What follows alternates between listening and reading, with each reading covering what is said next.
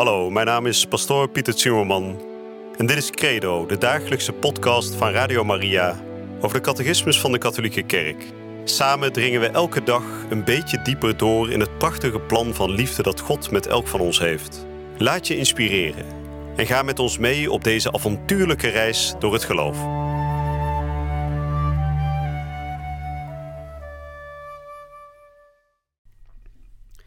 Vrienden, welkom terug bij Credo. Credo waarin we elke dag een kleine portie geloofsvoeding krijgen. Een klein stukje van onze geloofsleer, van die rijke geloofsschat, opgeknipt in behapbare brokjes. En we zijn inmiddels aanbeland bij het vierde artikel van onze geloofsbeleidenis. U weet misschien dat onze geloofsbeleidenis bestaat uit twaalf artikelen. Dat wordt wel genoemd de twaalf artikelen van het geloof. We gaan vanaf vandaag spreken over het vierde artikel. En het vierde artikel van onze geloofsbeleidenis luidt als volgt: Jezus Christus heeft geleden onder Pontius Pilatus. Hij is gekruisigd, gestorven en begraven. Dus dat eenvoudige kleine artikeltje gaan we de komende dagen bespreken. En ik zeg klein en eenvoudig, maar er zit natuurlijk een complete wereld achter, zoals dat geldt voor alle artikelen van de geloofsbeleidenis. Jezus Christus heeft geleden onder Pontius Pilatus. Dus we gaan spreken over het moment waarop hij zijn lijden zal aanvaarden. En we gaan spreken over zijn kruisdood en zijn begrafenis. Als we kijken naar het vierde artikel van de geloofsbeleidenis, dan komen we steeds meer tot de kern. Je zou kunnen zeggen dat de kruisdood van Jezus bevestigt alles wat hij heeft gezegd en gedaan tijdens zijn leven. In de kruisdood weten we dat Christus geen praatjesmaker was, om het zo te noemen, maar dat zijn liefde echt is. En dat zijn uitspraak, de goede herder geeft zijn leven voor zijn schapen, ook echt waar zal blijken te zijn. En ook dit zal voor ons eigen leven gelden. Op het moment dat we durven te lijden omwille van de liefde, zullen we zien dat de liefde als het ware door de lakmoesproef heen gaat en echt bevonden wordt. Zo ook in het leven van Jezus. We zien zijn kruisdood als een soort bewijs dat hij bereid is om de ultieme liefde voor te leven, om zelfs zijn eigen leven uit handen te geven, zelfs zich te laten kruisigen voor ons. Nou, na deze kleine introductie zullen we dan een begin gaan maken met artikel 4 uit de geloofsbeleidenis. Weer een nieuwe bladzijde in die prachtige geloofsleer van onze kerk. En voordat we dat zullen doen, willen we het eerst weer even stilmaken van binnen om ook deze uitzending te openen met gebed. In de naam van de Vader en de Zoon en de Heilige Geest. Amen. Goede God en Vader. In het Oude Testament lezen wij dat de aartsvader Abraham wordt gevraagd zijn zoon Isaac te offeren. Maar vlak voordat dit offer daadwerkelijk tot stand wordt gebracht, grijpt een engel in en het blijkt dat Abraham toch niet op deze manier bevraagd werd. Het was een voorafbeelding van het grote offer dat uw zoon Jezus Christus aan het kruis zou brengen. U, Vader, heeft uw zoon niet gespaard omwille van de liefde.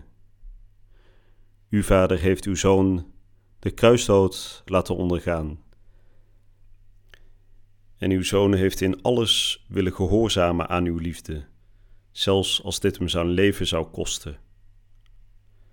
Heilige Vader, wij bidden dat de kruisdood van uw Zoon Jezus Christus rijke vruchten mag dragen voor heel de wereld, ook in onze tijd. Dat de kruisdood van Jezus rijke vruchten mag dragen in onze kerk en ook in ons eigen leven. Amen. Vrienden, zoals gezegd, we gaan door met het volgende artikel uit de geloofsbeleidenis, artikel nummer 4. En we gaan vandaag behandelen de nummers 571 tot en met 577. Artikel 4. Jezus Christus heeft geleden onder Pontius Pilatus. Hij is gekruisigd, gestorven en begraven. Het paasmysterie van het kruis en de verrijzenis van Christus staat centraal in de blijde boodschap, die de apostelen en de kerk, hen daarin volgend, moeten verkondigen aan de wereld. Het reddende helsplan van God heeft zich slechts eenmaal voltrokken door middel van de verlossende dood van zijn zoon Jezus Christus. De kerk blijft trouw aan de uitleg van alle schriften, zoals die door Jezus zelf zowel voor als na zijn Pasen gegeven wordt. Moest de Messias dat alles niet lijden om in zijn glorie binnen te gaan?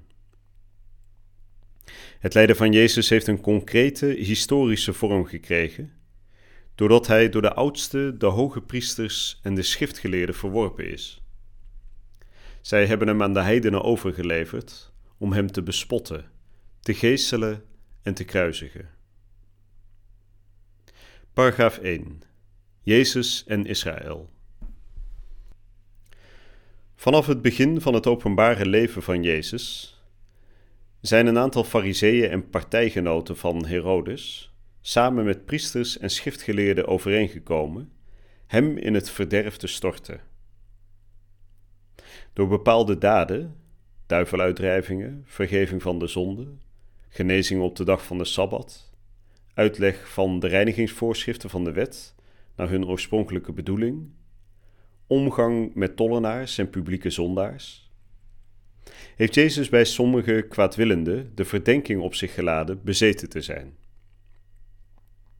Men beschuldigde hem van godslastering, vals profetisme en religieuze misdaden die de wet met de dood door steniging bestrafte. Meer nog dan voor het gewone volk van God, waren voor de religieuze autoriteiten van Jeruzalem, die de heilige Johannes in zijn evangelie vaak de Joden noemt, tal van daden en woorden van Jezus een teken dat weersproken wordt.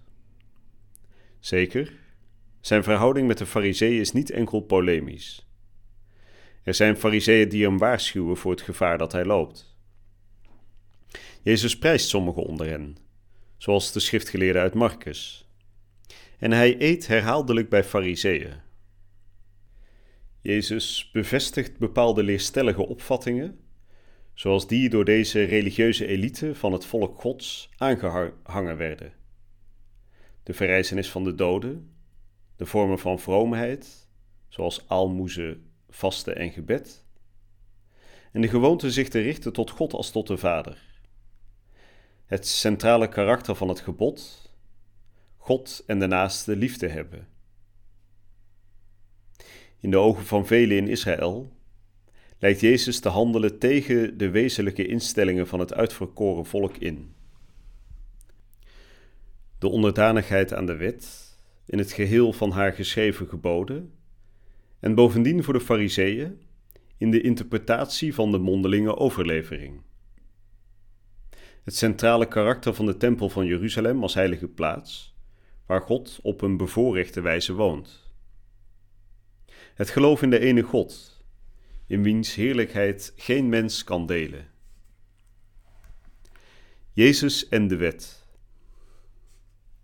Jezus heeft een plechtige waarschuwing laten horen toen hij bij het begin van de bergreden de wet die God ten tijde van het eerste verbond op de Sinaï gegeven had, voorstelde in het licht van de genade van het nieuwe verbond.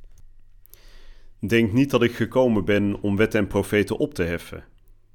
Ik ben niet gekomen om op te heffen, maar om de vervulling te brengen. Want voorwaar ik zeg u, eerder nog zullen hemel en aarde voorbij gaan, dan dat één jota of haaltje vergaat uit de wet, voordat alles geschied is. Wie dus een van die voorschriften, zelfs het geringste, opheft en zo de mensen leert, zal de geringste geacht worden in het rijk der hemelen. Maar wie ze onderhoudt en leert, zal groot geacht worden in het Rijk der Hemelen. Nou, dat waren de nummers 571 tot en met 575. is een beginnetje gemaakt met het lijden van Christus. Er is nog niet duidelijk gesproken over het moment dat hij ter dood wordt veroordeeld, maar wel de hele voorbereiding daarop. En dan wordt er met name gesproken natuurlijk over de verhouding tussen Jezus en de oudste, de hoge priesters en de schriftgeleerden. En dan wordt er bevestigd dat, hoewel Jezus natuurlijk zelf ook een Jood was, dan wordt er bevestigd dat hij in de ogen van de Farizeeën en de schriftgeleerden met name natuurlijk inging tegen de wet van Israël. En dan worden er drie belangrijke punten genoemd waar Jezus tegenin zou zijn gegaan. Wij weten dat dat niet zo is natuurlijk, maar zo werd dat in zijn tijd wel uitgelegd, namelijk de onderdanigheid aan de wet. En dan wordt als voorbeeld gegeven bijvoorbeeld dat Jezus genezingen verricht op de Sabbat. Jezus zelf zal toelichten waarom hij zeker wel gerechtigd is om dat te doen. Maar dat wordt dus gezien als een um, daad die absoluut niet kan volgens de Joodse overheden. Er wordt gesproken over het centrale karakter van de tempel van Jeruzalem, hebben we net gehoord. Voor de Joden is dat natuurlijk de heilige plaats, de tempel. Jezus zal zeggen: breek deze tempel af en ik zal hem in drie dagen doen herrijzen. Dan spreekt hij over de tempel van zijn eigen lichaam. Dus hij ontkent in de ogen van de Fariseeën de belangrijke plaats die de tempel van Jeruzalem inneemt voor de Joodse gelovigen. En hij zal zeggen dat uiteindelijk, Jezus zal dus uiteindelijk zeggen dat uh, de aanbidding zal plaatsvinden in geest en waarheid. Hè? Dus daar waar Jezus Christus zelf is. Dat is ook de reden dat we in elke kerk in de wereld God kunnen aanbidden. We hoeven daar niet speciaal voor naar Jeruzalem. Maar dat wordt dus ook gezien door de Joden als een soort afwijzing van het belang van die tempel. En ook natuurlijk ten derde, en dat is misschien wel het eh, belangrijkste punt, het geloof in de ene God, in, in wiens heerlijkheid geen mens kan delen, zoals de catechismus het net verwoordde. Jezus die maakt zichzelf gelijk aan God. Hè? Dat, hij spreekt voortdurend over de mensenzoon en hij doet datgene wat alleen God mag doen, namelijk het vergeven van zonde, uh, het genezen op Sabbat, um, het uh, zichzelf uh, gelijk maken ook aan de God van het Oude Testament door regelmatig ik ben uitspraken te doen. Hè? Dus ik ben het licht van de wereld bijvoorbeeld. Dat is voor de Joden allemaal een aanstoot, want ze zien daarin dat Jezus zichzelf op dezelfde plaats stelt als God. En volgens een Jood kan niemand delen in de heerlijkheid van God. Nou ja, wij weten, we hebben voorkennis, dat Christus natuurlijk de zoon is van God. Dus hij heeft wel degelijk de autoriteit om dat allemaal te mogen zeggen. Maar dit alles zal er uiteindelijk dus toe bijdragen dat deze Joodse overheden, deze Joodse elite, Jezus dood wil hebben. Nou, we gaan daar de komende dagen uitgebreid over spreken. Maar we zullen het voor vandaag hierbij laten. En dan hoop ik u weer te ontmoeten bij de volgende uitzending van Credo. Je luisterde naar Credo, de dagelijkse podcast van Radio Maria over de catechismus van de Katholieke Kerk.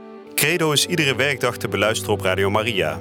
Maar je kunt de afleveringen ook in je eigen tempo terugluisteren op onze website, in de app of op Spotify en de andere platforms. Via de website radiomaria.nl vind je dagelijks de link om de bijbehorende teksten uit de catechismus mee of terug te lezen. We zijn erg dankbaar voor alle giften die wij mogen ontvangen. Daardoor kunnen we ons goede werk blijven doen. Draag je ook bij aan deze missie?